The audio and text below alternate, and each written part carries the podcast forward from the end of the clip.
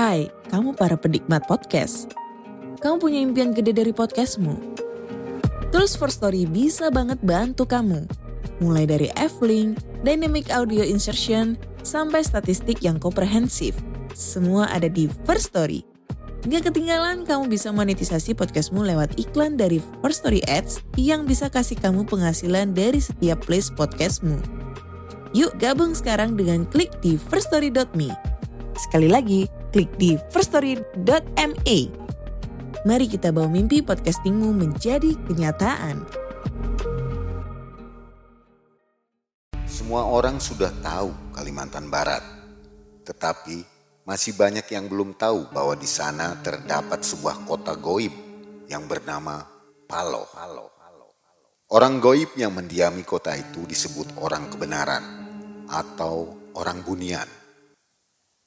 Narasumber kita kali ini bukan saja berhasil masuk menembus kota gaib Paloh itu, tetapi dia bahkan melakukan sholat berjamaah bersama warga gaib Paloh. Bagaimana kisahnya?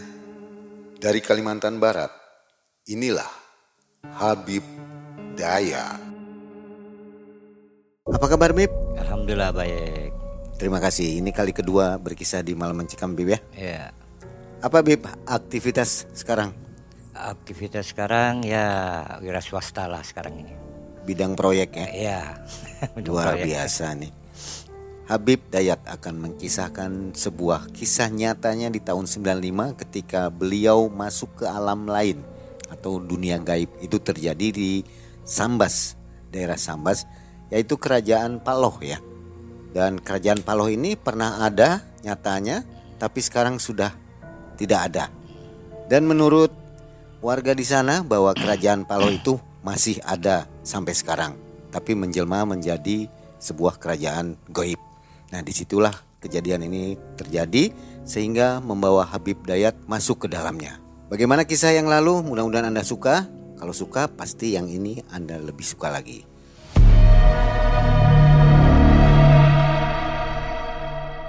Eh, begini Mang, pada tahun 1995 saya masih bujangan. Jadi saya itu dari Jawa. Jadi karena saya lulusan dari pondok pesantren, jadi mau tidak mau dari guru saya itu saya ditugaskan di daerah Kabupaten Sambas, yaitu di desa Simpang 4, Kecamatan Teluk Kramat, yaitu pondok pesantren Darul Falah. Saya mengajar bahasa Arab dengan hadis dan fikih di sana. Saya di sana dengan ustadz-ustadz lain itu ada dari Bandung, dari Banten ada juga dan dari Surabaya waktu itu kami berempat. Kemudian berselangnya waktu kami di sana itu mengajar seperti biasa karena kami orang pendatang jadi mengikuti adat istiadat orang Melayu di daerah Sambas. Karena Pontianak sama Sambas ini berbeda bahasa. Kalau apa bahasa di Pontianak itu pakai apa tapi kalau Sambas itu ape nak ke mana nah itu. Jadi saya belajar di situ dengan adat isti- adat istiadat di daerah Simpang 4 Kecamatan Teluk Kramat kemudian eh, lama kelamaan dengan udah kenal dengan sekitar situ lalu ada kawan kami di daerah situ ya bahasanya memberikan sesuatu yaitu namanya telur penyu. Nah, waktu itu harganya 2500 dulu itu. Jadi saya makan kok enak gitu. Jadi saya tanya kawan itu dapat dari mana? Katanya dia dapat kiriman saudaranya yang ada di Palu. Saudaranya itu katanya pergi ke pulau, suatu pulau namanya Pulau Tomajo Pulau Tomajo itu perbatasan antara Indonesia dan Malaysia. Jadi ada rasa kepingin ke sana ke sana sama kawan-kawan kami berempat itu. Jadi dia oke dia ngubungin saudaranya di Palu. Jadi Palu ini desa juga di ujung. Jadi Palu ini di ujung Sambas. Jadi jadi kalau orang mau ke mana-mana itu dia dekat laut. Jadi Palu ini dekat laut juga jadi waktu itu kami berangkat tuh sekitar eh, hari-hari Selasa lah waktu nggak Selasa Rabu antara dua itulah Selasa Rabu kami berangkat. Jadi nginap. Jadi rencana nginapnya itu dua malam. Tapi nginapnya bukan di kampung tapi di pesisir. Karena kan uh, Telur Penyu itu kan betulnya di, di pasir gitu. Jadi kamu bawa tenda, jadi alat-alat untuk persiapan di sana lah gitu. Nah, jadi kami orang baru ya karena harus gitu ikutin adat istiadat apa sih di sana itu. Nah, jadi kami kami berempat berangkat dari Simpang 4 ke Palu itu kurang lebih sekitar hampir tiga jam lah berangkat ke sana itu hampir tiga jam. Kemudian sampailah di sana ada namanya Pak Pardi. Pak Pardi ini saudara kawan saya itu Pak Pardi dikenalkan Pak Pardi. Karena kami datangnya itu siang, sekitar jam 11 lewat. Jadi kami sholat duhur berjamaah di sana. Sholat berjamaah bersama sana, udah kami siapkan, Pak Pardi oke. Pakailah kami uh, speed. Speed sana itu sampan tapi ada mesinnya itu. Nah, jadi kami berangkat situ. Itu sekitar jam-jam hampir jam 2 lewat lah. Kami berangkat. Menjelang mau maghrib, waktu melewatin hutan, uh, hutan itu Pak Pardi itu banyak diam. Banyak diam banyak baca baca lah. Kami kami tahunya kecil kami lihat ke belakang. Dia ngomong Ustadz Ustadz ya nanti anu jangan ngomong apa apa ya. Nggak usah ngomong ini ngomong itu. Kenapa Pak Pardi? Pokoknya diam diam aja lah. Oke lah. Kami ndak ndak ndak begitu anu lebih perangkat pas di hutan itu pokok hutan itu banyak panjang hutannya itu. Kami berangkat terus. Kemudian tanpa disadari ada uh, adzan maghrib. Adanya jelas betul. Jadi adzan maghrib. Udah adzan maghrib, kayak ngomong sama Pak Pardi. Pak Pardi, kita sholat dulu lah di sini. Tuh ada surau. Kata orang Melayu sana itu surau. Itu ada surau itu. Nanti aja. Jangan, semakin kami dekat, kami kami berjalan ini semakin dekat suaranya. Jadi kami paksa, udah Pak, nanti ke enggak sholat di sana aja di Temaju. Pak, gimana mau sholat Temaju ini maghrib? Enggak mungkin lah sampai ke sana. Itu karena antara Palu dengan Temaju itu kalau naik waktu naik sepit waktu itu sekitar empat jaman. Gimana mau sholat maghrib sana? Jadi mungkin Pak Pardi itu antara apa ya antara mau ndak mau waktu itu karena Pak Pardi saya paksa terus karena kita mikirkan sholat maghrib. Mau jadi mau ndak mau mau ndak mau lah Pak Pardi itu minggir berhentilah ada seperti steher. Tapi stehernya itu nggak dipakai lah gitu. jadi kami dekat berhenti situ. Pak Pak Pardi jadi berhenti sini Pak Pardi ya. Oke lah kami kemas-kemas kami berangkat. Dari dari steher ke Suro itu kurang lebih sekitar 50 meter lah jadi dia karena kita lihat ini suronya ada. Nah suronya ini saya lihat, oh ada nih suro nampak gitu. Dan dengar suara adan itu jelas betul. Pak Pardi ini diajak oleh kawan saya ini. Si Ustadz Fauji. Kata Ustadz Fauji, ayo Pak Pardi, kita sholat berjamaah. Pak Pardi diam sampai kami empat kali manggil tuh baru dia ngomong enggak usah nanti nanti aja. Ya udahlah kita mau maksa orang sholat nggak mungkin. Jadi kami berangkat. Kita 50 meteran kami berangkat. Jadi kami masuk ah, baru kelihatan suraunya itu. Yang dari jauh nggak nampak nih banyak pohon kan nggak anu nggak begitu anu. Jadi kami masuk betul jelas. Jadi surau yang kami lihat tuh dari papan. Papan tuh disusun. Kalau orang sana bilang tuh susun sirih namanya. Panggung jadi uh, kayu belian kita naik semua kayu belian. Saya lihat kan papan-papan belian karena mengkilat itu. Nah, kami naik ada orang di situ. Uh, saya bilang assalamualaikum, waalaikumsalam. Ya orang sekitar situ hanya berapa orang itu melihat saya. Ya karena kita merasa dilihat, saya salaman seperti biasa duduk, ambil wudhu, kami turun lagi, ambil wudhu, baru kami naik lagi.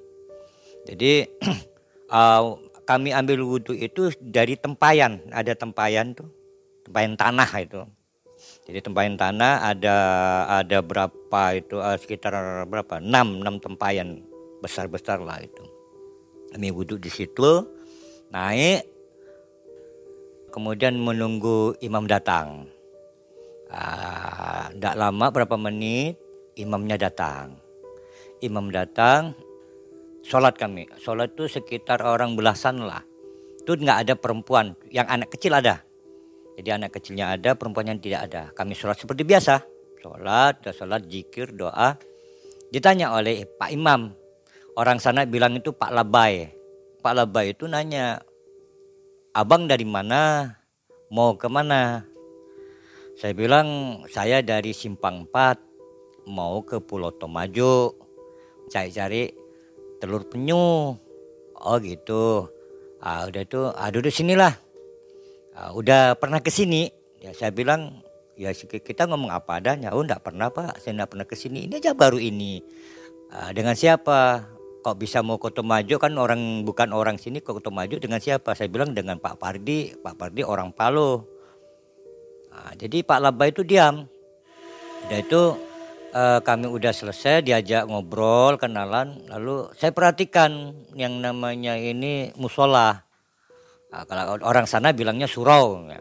Jadi suraunya ini toanya ada, tapi toanya itu jadi kubahnya itu bentuknya di atas tuh ini sirap. Dia tidak pakai seng tapi pakai sirap. Kubah ininya pun pakai sirap juga. Baru toa. Aku dan ampli eh, zaman sekarang ini nggak ada lah. Itu zaman dulu lah istilahnya membesar gitu, tapi kecil lah gitu. Micnya pun mic-mic yang dari biasa lah gitu.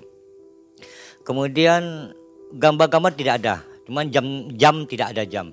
Saya perhatikan ada jam karena saya lihat. Tapi kaligrafinya ada, kaligrafi Allah, Muhammad itu ada. Uh, kemudian karpetnya itu dari plastik. Karpet plastik, lalu ada sajadah lah. Cuman saya lihat sajadahnya ini bukan seperti saja sajadah sekarang, itu sajadah seperti apa ya, kain apa namanya itu. Pokoknya beda lah itu. Sekarang tidak ada sajadah model gitu. Tipis sudah, ya yang yang saya lihat tipis yang tapi yang punya Pak Laba itu bagus masih pada waktu kami sholat perasaan kami sholat tuh awalnya biasa saja awalnya biasa saja dan kami tidak memperhatikan ya seperti manusia biasa lah kami sholat seperti biasa cuman aura-aura apa ya dinginnya itu ada. Berasa dingin pikir saya kan karena suasana alamnya karena di, di hutan kan mungkin seperti itu. Cuman perasaan kita beda dengan perasaan kita sholat di di, di anu beda. Uh, kemudian udah sholat, selesai sholat, jadi nah kami mau tadi mau kami mau pulang dipanggilnya kan ditanya dari mana dari mana. Kami bilang dari ini pak ya sama Pak Pardi. Nah, jadi kenapa saya mau apa mau melanjutkan kami ke Tomajo. Tapi Pak Labai itu mencegah tidak nunggu isya ke sekalian. Kami ngomong sama Ustadz Fauji dengan kawan yang lain, ah bolehlah nunggu isya pale-palenya lah kata orang Melayu Sambas tuh pale-palenya kita di sini oke okay lah gitu diajak lah sama oleh Pak Labai ke rumahnya. Rumah rumahnya itu samping surau itu. Jadi kami turun itu salaman sama jamaah di situ. Cuman jamaah situ tuh diam semua. Nah, pikir-pikiran saya mungkin menghormati Pak Labai itu gitu. Dia menunduk semua. Jadi kami turun baru kami ke rumah Pak Labai. Di rumah Pak Labai, Pak Labai ini waktu masuk ke rumah mengambil sesuatu yaitu ubi goreng itu saya nggak tahu ada istrinya atau ada apa anaknya nggak tahu. Dia masuk ke dapur udah ambil bawa ini dengan bawa kopi. Jadi nggak ada istrinya lah kalau saya lihat tuh nggak ada istrinya situ. Jadi kami makan seperti biasa. Makan, ngobrol-ngobrol, dia nanya dari mana, saya bilang dari saya dari Jawa, mondok di sini ini, ini. Lalu pada waktu kami ngobrol makan ubi, saya kan berhadapan dengan Pak Labai ini. Jadi saya perhatikan sama kawan-kawan tuh perhatikan uh, wajahnya ini pucat. Pucat. Pucatnya itu mungkin karena dingin kah apakah cuman perasaan kita beda. Ketemu dengan orang ini beda cuma seperti apa ya. Pokok lain yang lain, lain lah nggak seperti ini. Tapi ngomongnya dia ngomongnya bagus, seperti berwibawa gitu. Wajahnya seperti manusia biasa. Maksudnya dari bibirnya? Ah, kalau dari... masalah bibir ini nih uh, paritnya ini, memang dia tidak tidak nampak, tidak kelihatan ini. Rata. Ah, rata. Cuman saya tidak ada pemikiran yang ndak-ndak. Ah, cuma saya perhatikan hanya pucat, ini kos- kosong. Dia pun waktu itu ndak berkumis. Jadi parit-parit ini itu ndak ada. Cuman saya ndak ada pikiran yang ndak lah. Cuman rasa anehnya di situ gitu. Jadi ngomong-ngomong dari itu sholat isya. Jadi ya udah kita adan.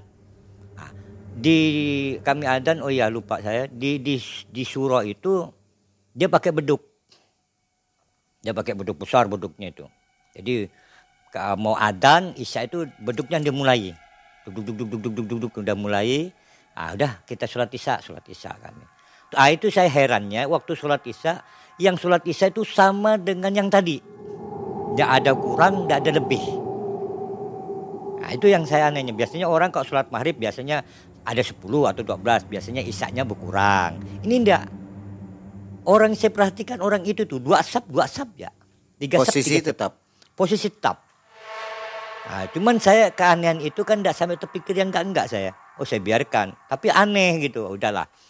Nah, jadi waktu itu tiga sab kan, tiga sab. Tapi tiga sab itu orang itu itu aja.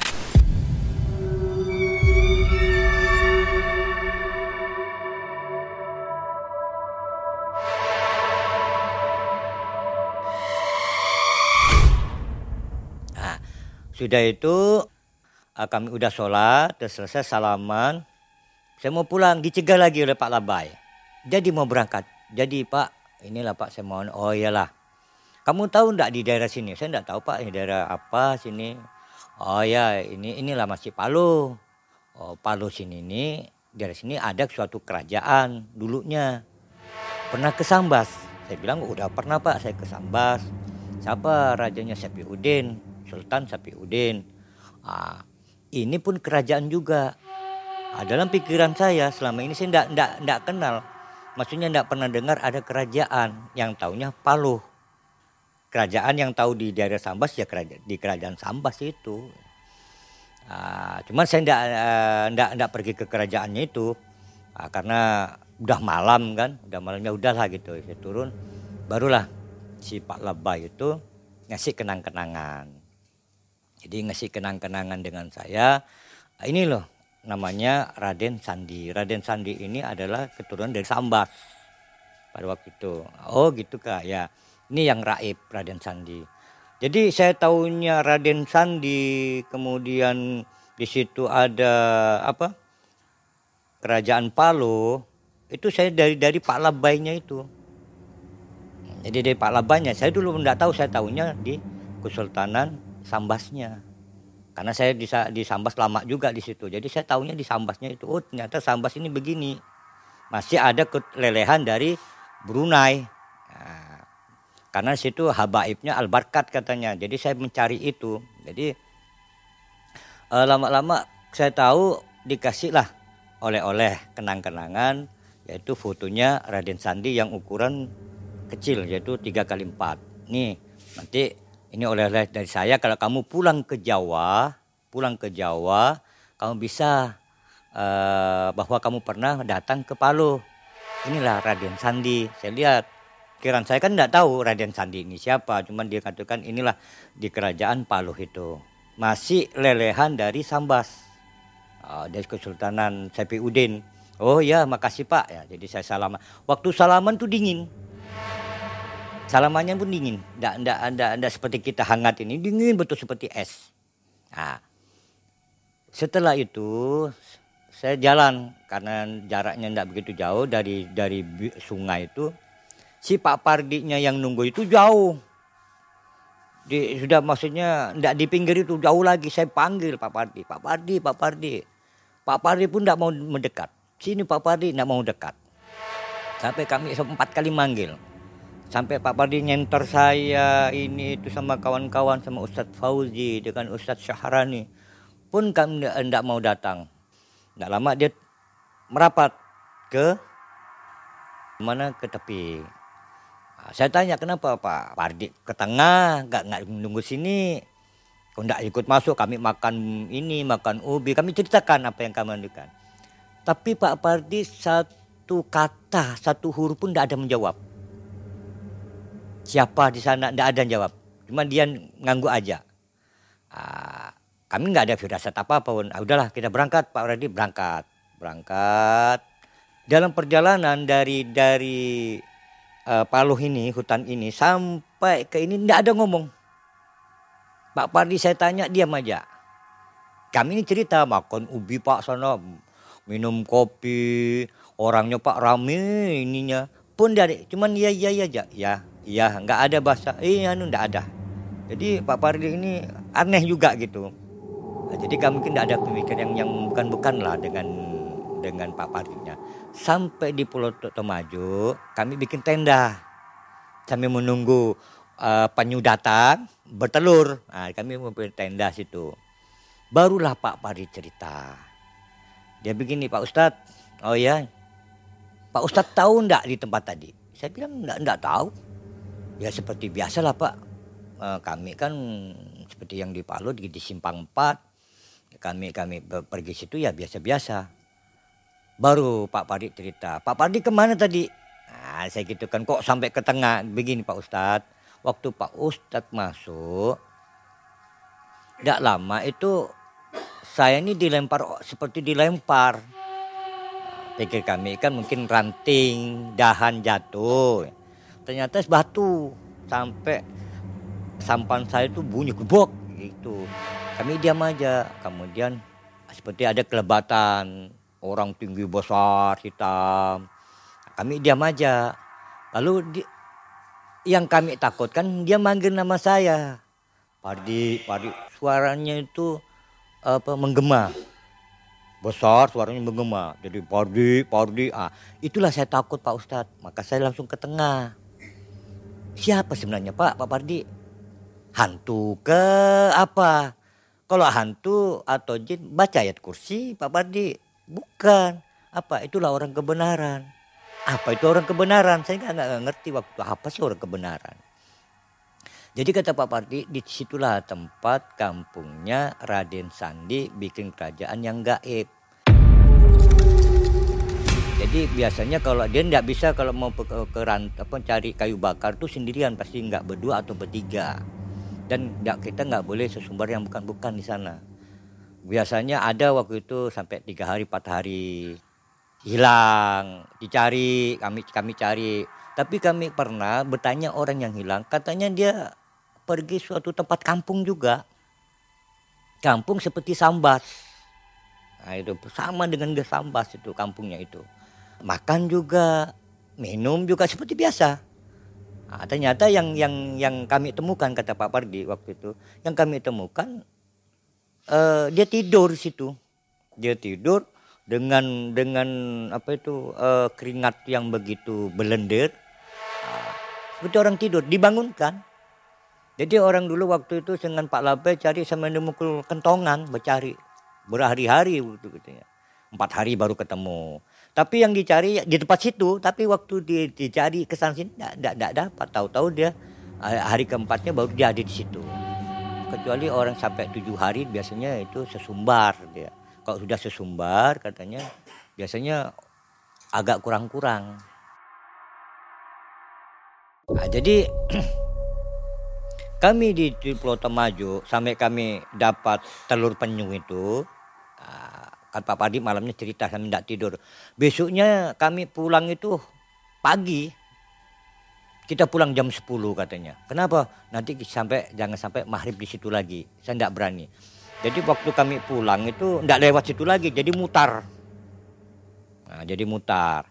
Mutar. Pak Pari cerita pun tidak begitu apa ya istilahnya tidak begitu eh, benar-benar istilahnya. Maksudnya nggak begitu benar-benar, tidak begitu hmm, detail waktu itu dia. Karena dia masih rasa ada rasa takut mengingat di kejadian dia waktu pada waktu itu. Sampailah kami ke Palu, jadi dari Tomajo ke Palu. Tapi uh, langsung ke rumah Pak Pardi. Barulah Pak Pardi cerita sedetail mungkin. Jadi kejadian yang dia alami waktu itu, dia sudah dilempar, kemudian melihat orang tinggi besar, uh, sampai ada bayangan sampai yang ditakutin dia memanggil-manggil Pardi-Pardi. Ya. Kalau saya Pak Ustadz waktu itu dipanggil Pardi, saya noleh iya, mungkin saya nggak nggak akan datang lagi. Jadi sebenarnya siapa itu Pak Pardi? Jadi kata Pak Pardi itulah jadi Pak Ustadz semuanya ini pergi ke tempat yang bukan layaknya manusia. Nah, jadi saya ini dengan Ustadz Syahroni, Ustadz Fauzi, dengan siapa dua orang lupa Ustadznya ini saya itu. Karena tahun 95 kami pergi ke tempat yang memang alam yang bukan alam dunia itu. Jadi yang kami rasakan kami tidak diganggu, tetapi yang Pak Pardi yang diganggu. Nggak tahu mungkin karena tidak sholat atau apa. Saya nggak saya nggak, nggak, tahu lah kenapa. Jadi di Palu itu memang ada suatu kerajaan yang gaib yang yang yang kerajaannya itu dipegang oleh Raden Sandi. Nah, sampai sekarang saya kalau ke Palu itu masih ingat dengan dengan kejadian itu, tapi tempatnya saya sudah lupa. Jadi kalau orang mau ke Sambas, Palu tahu dia karena uh, dari kata Pak Pardi biasanya dia itu keluar gitu, keluar belanja atau apa di biasanya di situ dia.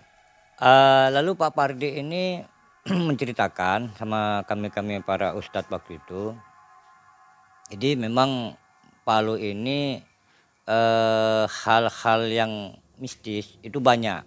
Jadi Pak Ustadz ya sudah ya syukurlah Pak Ustadz bisa kembali lagi. Kalau enggak ya Pak Ustadz mungkin uh, mungkin seperti yang yang lain udah merasakan gitu.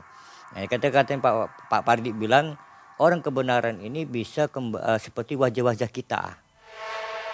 Jadi nggak nggak seperti mau ke ke dunia kita itu dia bisa berubah gitu. Itu yang di Pak Pardi ditakutnya seperti itu. Nah, sama yang yang pernah kejadian hilang itu sampai tiga hari empat hari itu seperti itu disangkanya kawannya. Nah, Pak kenapa Pak? Bisa karena dia sesumbar. Entah nggak tahu lah sesumbar apa. Disangkanya kawannya ikut. Nah ikut masuk di gerbang itu. Di di daerah apa di apa hutan hutan hutan paloh itu. Uh, jadi kalau orang kebenaran kalau masuk di dunia kita dia seperti belanja belanja belanjanya seperti kita juga sama uh, motornya tapi kalau motor ini tidak ada cerita lah dia beli motor atau beli mobil tidak ada cerita. Tapi kalau belanja itu sering.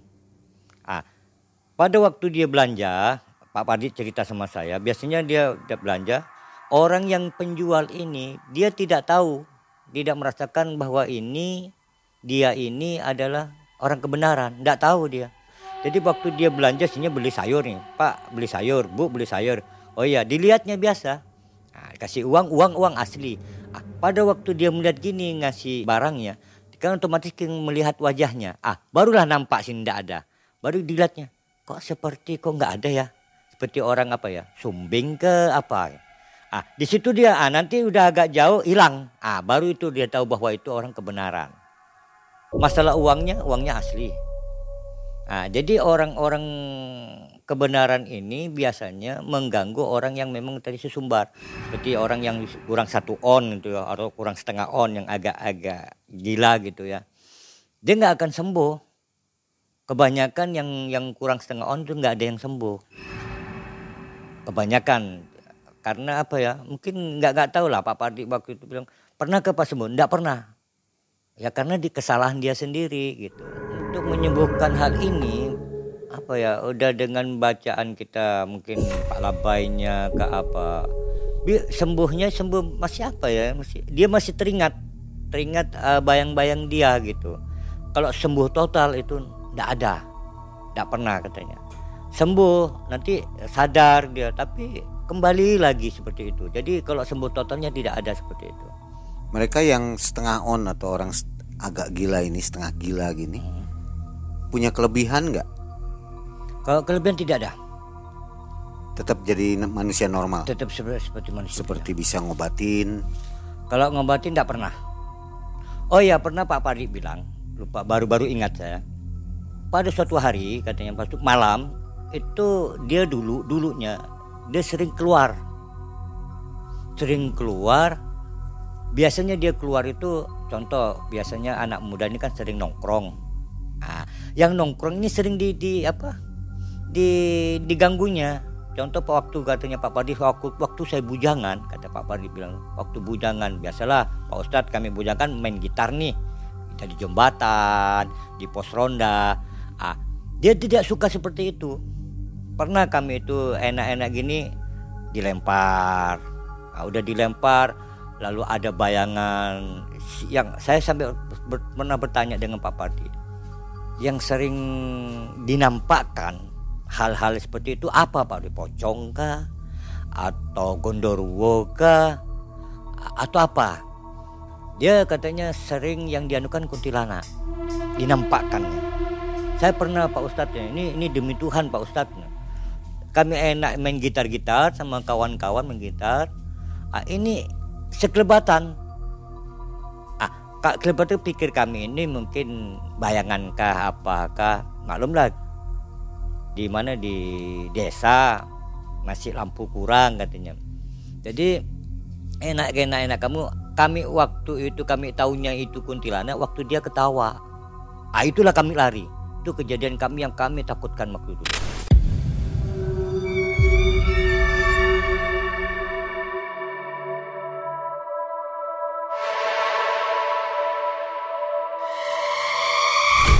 Nah, jadi orang kebenaran di sana itu uh, akan menampakkan diri kalau ada hal-hal yang aneh gitu. Makanya orang apa itu orang kebenaran. Nah, bahasa orang kebenaran kalau di Sambas itu orang yang benar-benar. Dia tidak mau neko-neko gitu. Kalau ada yang yang macam-macam dia akan menampakkan. Karena di situ masih ada kerajaan Islam yang yang gaib itu seperti itu Raden Sandi gitu dan makanya orang sana itu biasanya jam 10 dia tidak mau main gitar atau hasilnya apa itu suka nongkrong nongkrong tidak tidak mau dia. Bukan tidak mau tidak berani. Kalau udah 10 lewat gitu. Walaupun malam minggu itu zamannya Pak Padu masih pujangan karena sering diganggu seperti itu. Terutama yang sering diganggu yang muncul itu uh, kuntilanak. Kalau gondoruwo pocong itu jarang lah kuntilanaknya yang sering situ. Itu supaya kami kami itu nggak sampai larut malam itu anu ceritanya seperti itu. Lokasinya sekarang ini masih ada ya? Kalau lokasi masih ada. Seperti apa tampaknya? Lo sampai sekarang yang saya terakhir saya pernah ke sana itu tahun 2006 nah, 2006 saya kan udah ada di di Singkawang. Saya main-main ke sana. Pak Pardinya waktu 2006 masih ada. Udah tua waktu itu. Lokasi masih ada seperti uh, masih hutan. Hutan ya? Masih hutan sampai sekarang. Kalau Paluhnya, Paluh ini Paluh ini kecamatan sebenarnya. Jadi tempatnya itu di luar Paluh itu, tapi masuk di Paluh. Masih ada hutan sampai sekarang. Jadi kalau di tempat Sambas kan banyak sawit. Nah, sawit ada. Eh, sana tidak ada. Di daerah-daerah Paluh itu tidak ada sawit. Yang tempat yang itu karena katanya setiap akan membuka lahan situ ada gangguan Nah, jadi uh, setiap akan mau dibuat apa tetap ada gangguan gitu. Karena memang batasnya di situ. Ada hutannya itu batu hutan enggak besar sih hutan sih. Kalau saya perhatikan itu enggak begitu. Hutan-hutan yang di Kalimantan yang luas itu enggak ada. Enggak seperti itulah enggak begitu besar lah gitu. Sampai sekarang waktu saya 2006 tempat yang saya pernah saya singgahin waktu itu masih ada. Dan 2006 juga saya pernah saya telusuri itu nah, dengan Pak Pardi cuma Pak memang hutan bukan tidak ada apa sih kampung itu tidak ada. Surau yang dipakai sholat nggak ada? Nggak ada.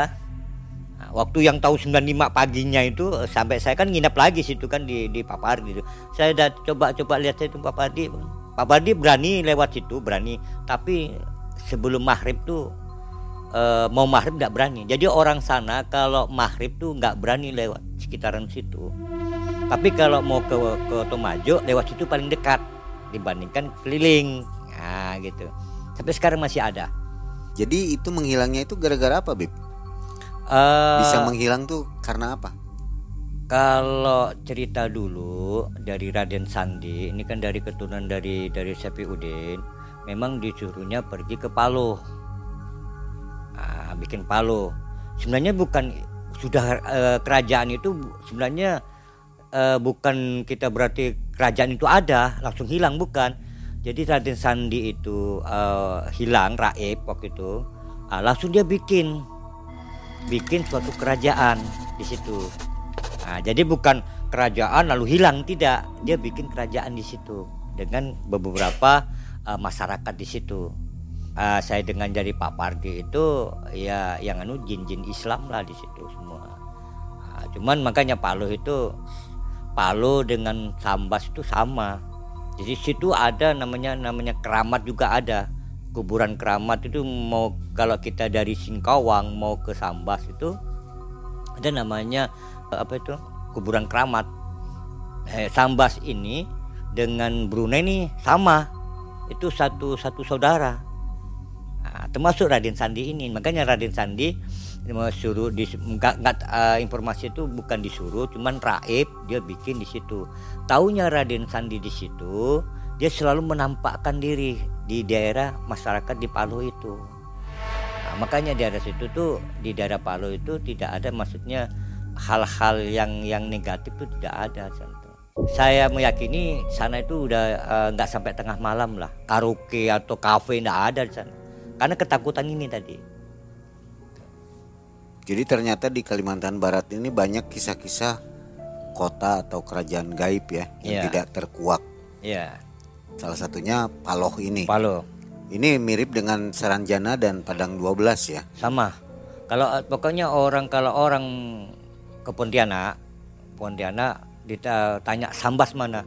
Sambas itu ada Palu. Kalau sudah bahasa Palu, otomatis orang tahu di Palu itu ada kerajaan uh, atau ada orang kebenaran. Jadi orang kebenaran itu bukan menghantui kita tidak sebenarnya, malah mencegah hal-hal yang jelek.